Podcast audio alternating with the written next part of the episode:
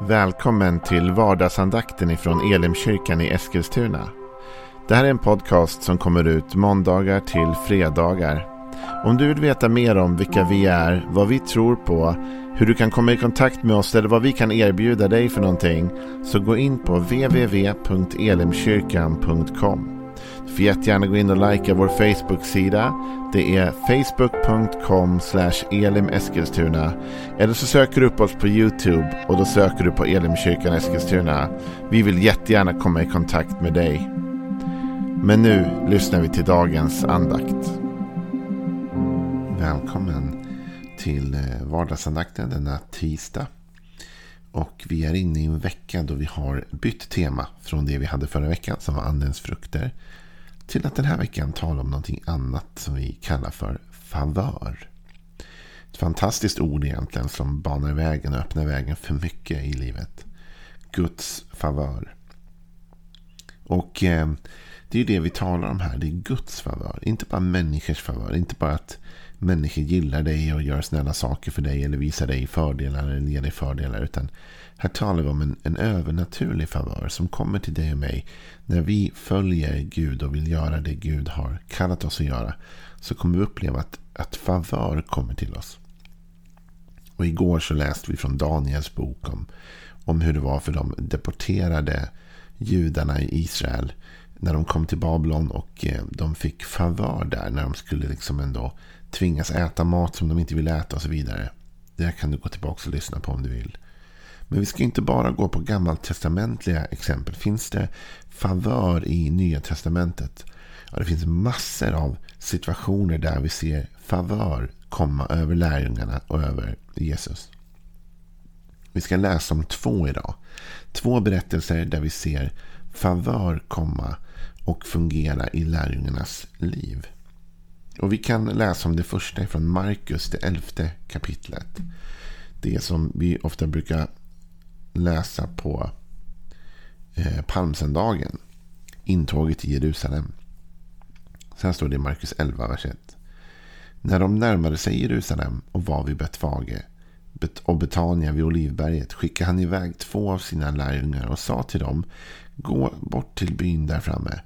När ni kommer in i den hittar ni genast en ung åsna som står bunden där. En som ännu ingen har suttit på. Ta den och led den hit.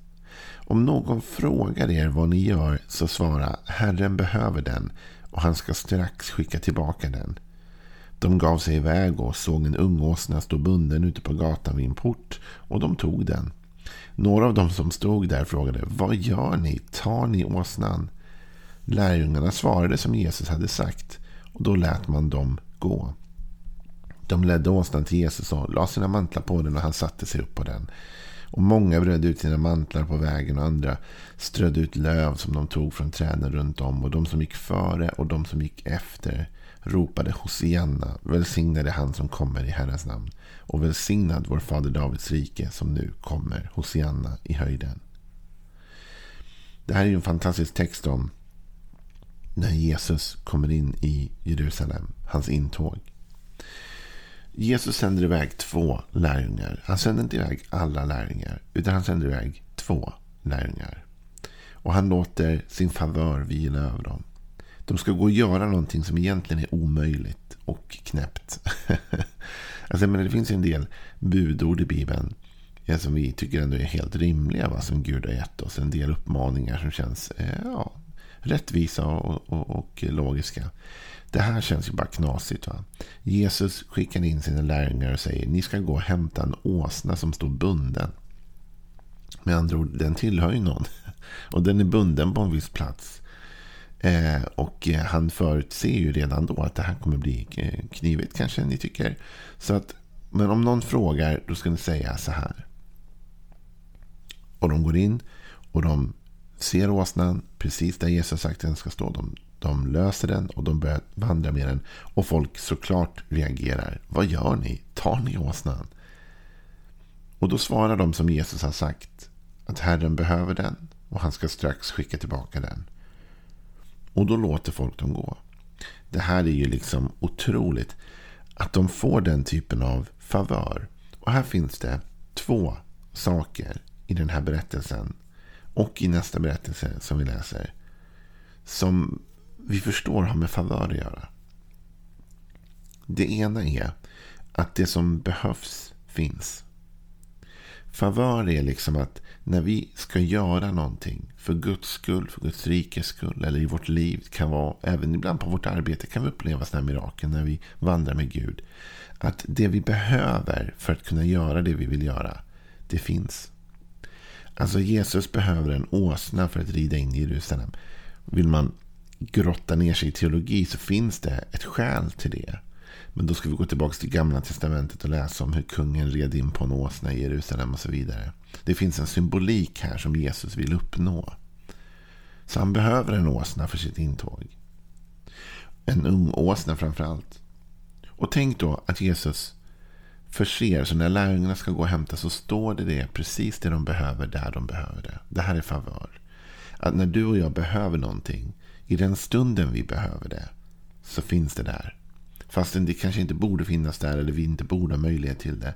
Men eftersom du och jag lever ett liv i favör så upptäcker vi gång på gång att det vi behöver, det finns när vi behöver det. Det här har ju också med tro att göra. Det här är ju inte bara så att Jesus de hade en åsna med sig som de tog med sig. Folk vill alltid leva ett sånt liv. Va? Folk vill leva ett tryggt liv där man kan säga vi har sju åsnor här och behöver vi en så har vi den med oss. Liksom. Man vill alltid leva ett liv där man har bunkrat upp säkerhet och trygghet och vi känner oss trygga. Men trons liv handlar alltid om att gå ut på vattnet. Trons liv handlar alltid om att ta steg ut i vad som kan tyckas vara en ovisshet. Fast det är ingen ovisshet för Jesus har sagt att det finns där. Jesus sa till Petrus kom och han gick på vattnet. Men du och jag måste alltid våga ta detta. Men hur ska det hålla? Kommer det funka? Kommer det gå? Ja, favör. Det finns där när vi behöver det. Det andra är att människor blir välvilligt inställda. Här ser vi igen precis det vi läste om igår med Daniel. Att Guds favör påverkar människor. Att när Guds favör vilar över ditt liv så kommer människor att visa dig just favör. De kommer ge dig liksom det vi kan kalla för the benefit of the doubt. Här låter ju helt osannolikt. Att helt plötsligt kommer ett par män som ingen känner kanske. Och de börjar lossa en åsna. Och folk säger, men vad, vad gör ni för något? Och så säger de, ja men mästaren behöver den och ska skicka tillbaka den. Det känns ju osannolikt att folk skulle bara, okej, okay, ja men då är det lugnt. det skulle ändå kännas som att folk skulle säga, men du kan, så kan ni inte göra. Har ni fått tillåtelse? Har ni frågat? Har ni... Bap, bap, bap. Men här i det här läget så lever de här två lärjungarna med Guds favör. Och här finns något att säga om det också. Det vill säga att Jesus bara sänder iväg ett par av sina lärjungar. Inte vet jag, men man kan ju tänka att Jesus på ett särskilt sätt hade lagt sin favör över de här två lärjungarna. I alla fall den här dagen. Kanske om hela lärjungaskaran hade kommit att det inte hade funkat. Men över de här två lärjungarna så vilar för tillfället en Guds favör. Och jag menar inte att Gud utväljer några mer än andra. Jag tror att den här Guds favören är för oss alla. Om vi är villiga att leva i det och tro på det. Och förvänta oss det. De här två lärjungarna de tar sig iväg. De är modiga också. Och jag tror att att leva ett liv i Guds favör kräver mod. Det kräver att vi vågar. Det kräver att vi inte ger upp eller, eller inte vågar ge oss ut på den här resan. Utan favör kräver mod. Att våga gå ut och göra något lite halvgalet därför man har hört Gud säga det till en. Så den första berättelsen är denna. Intåget i Jerusalem. Lärjungarna som får budet, gå dit bort och hämta åsnan. Och den finns där när de behöver den. Och folk är välvilligt inställda till dem och låter dem faktiskt göra detta. De ger dem en favör. Det andra tillfället är vid påskmåltiden, den sista måltiden. Och Vi läser från Lukas evangeliets 22 kapitel och den sjunde versen. Och Det här är ju precis innan den sista måltiden. Det här är det som förbereder för den sista måltiden. Så kom det osyrade brödets dag, då påsklammen skulle slaktas. Och Jesus sände iväg Petrus och Johannes och sa Gå och gör i ordning påskmåltiden åt oss. De frågade var de skulle göra det och han svarade När ni kommer in i staden, möter ni en man som bär på en vattenkruka. Följ efter honom till det hus han går in i. Och säg till den som äger huset. Mästaren frågar var salen är där han kan äta påskmåltiden med sina lärjungar. Då visar han er till ett stort rum i övervåningen som står färdigt. Där ska ni göra ordning måltiden. De gick och de fann att allt var som han hade sagt och de ordnade för påskmåltiden. Den här sista påskmåltiden är ju så otroligt viktig. Den har sån teologisk tyngd. Det är ju vid den här måltiden som Jesus instiftar nattvarden. Det är vid den här måltiden Jesus försöker förklara för dem att det är nu offret kommer ske, hans kropp och hans blod. Det är vid den här måltiden som förrädaren Judas pekas ut. Men det var tvunget att förberedas. Utan den här förberedelsen hade ju inte påskmåltiden blivit av. Hade inte nattvarden instiftats och förrädaren utpekats. Och den här förberedelsen, precis som när Jesus ska hämta åsnan, sker ju på ett lite annorlunda sätt. Han säger till två av sina lärjungar, igen två, den här gången Petrus och Johannes, att de ska gå och göra ordning detta. Och de undrar ju vart. Okej, vart ska vi göra ordning den måltiden? Ja, men gå in i stan och så kommer ni möta en man som bär på en vattenkruka. Jesus eh, agerar otroligt profetiskt såklart, men även märkligt va. Följ efter honom till det hus som han går in i och säg till den som äger huset. Alltså här måste man ha tillåtelse, eller hur? Det är inte så att Jesus bara tar sig för. Han ber om tillåtelse av den som äger huset. Det är viktig fras det där, den som äger huset. Mästaren frågar var salen är där han kan äta påskmåltiden med sina lärjungar. Då visar han er till ett stort rum i övervåningen som står färdigt. Och där ska ni göra ordning måltiden. Då går de dit och de upptäcker att allt är precis så som Jesus hade sagt om att det skulle vara. Samma två moment är i funktion här vad det gäller favör. Det ena är att det som finns finns där när det behövs. Eller det som behövs finns där när det behövs. Eh, och att människor blir välvilligt inställda till dem. Så det här, vi kan börja med då först. Att människor är välvilligt inställda. De kommer dit, till stan. Och de, först ser de en man som de följer efter. Som Gud har liksom visat dem att de ska följa efter. Och så kommer de till huset och så behöver de prata med den som äger huset. Här krävs det ju favör. Det krävs ju nu att den personen som, som har det här huset, äger det här huset, är villig att upplåta det här rummet. Måste ju också förstå detta, att när vi närmar oss påsk och påskmåltiden så är det ett oerhört tryck över Jerusalem. Det är inte så att det finns en massa rum över. Det är inte så att liksom inte stan är full av judar. Judar har ju vallfärdat hit nu för att just göra denna, detta offrande vid påsken. Så det är inte så att det står tomma rum och det är lätt att få ett rum. Det är troligtvis väldigt svårt att få en stor sal helt plötsligt i Jerusalem. Men de går dit och de pratar med ägaren och ägaren ger dem favör. Han låter dem få ett rum.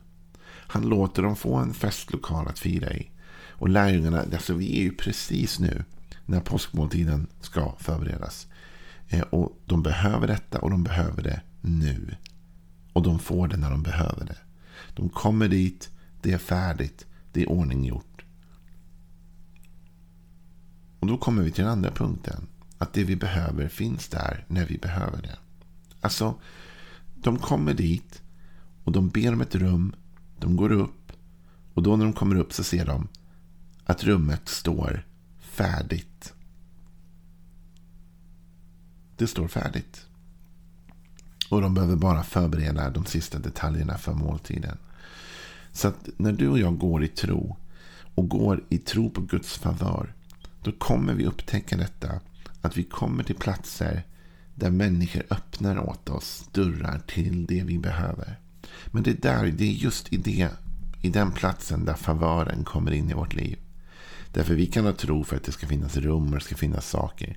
Men ofta är det så i vår vandringar på jorden att vi behöver samarbeta med människor. Och då kommer vi till situationer där vi behöver att en människa öppnar eller stänger en dörr åt oss. Igår läste vi om Daniel och övar, eh, överste kammarherren som, som var den som kunde öppna eller stänga en dörr för Daniel. Och här märker vi att här är det husets ägare som har sin makt att antingen öppna dörren till påskfirandet eller stänga den. Och Petrus och Johannes behöver favör hos honom. Och de får favör hos honom när de kommer med ärende från Gud. Och du och jag kommer upptäcka det här gång på gång i livet. Att när vi behöver det så finns det vi behöver. Men ibland kommer vi behöva favör för att komma åt det. Men då är Gud med oss och ger, ger oss av sin favör. Det är ju någonting otroligt starkt egentligen. Att kunna leva i det. Så du och jag får bli lite modiga nu. Vi får ta sats mot framtiden. Vi får våga kliva ut i favör. Vi får våga lita på att Gud gör människor välvilligt inställda till oss. Att Gud låter människor öppna dörrar för oss. Att Gud har förberett för oss det vi behöver när vi behöver det. Jag säger det till dig idag. Jag tror att Gud har förberett det du behöver precis när du behöver det. Och jag tror att om det är några dörrar, några vägar som behöver öppnas för att du ska komma dit. Så kommer Gud låta människor visa dig favör. Och ge dig sånt som de egentligen inte borde ge dig. Och låta dig få gå igenom eh, eh stängda portar så att säga till det du behöver. Så lev en välsignad dag idag. Lev i tron på att Gud vill ge dig av sin favör.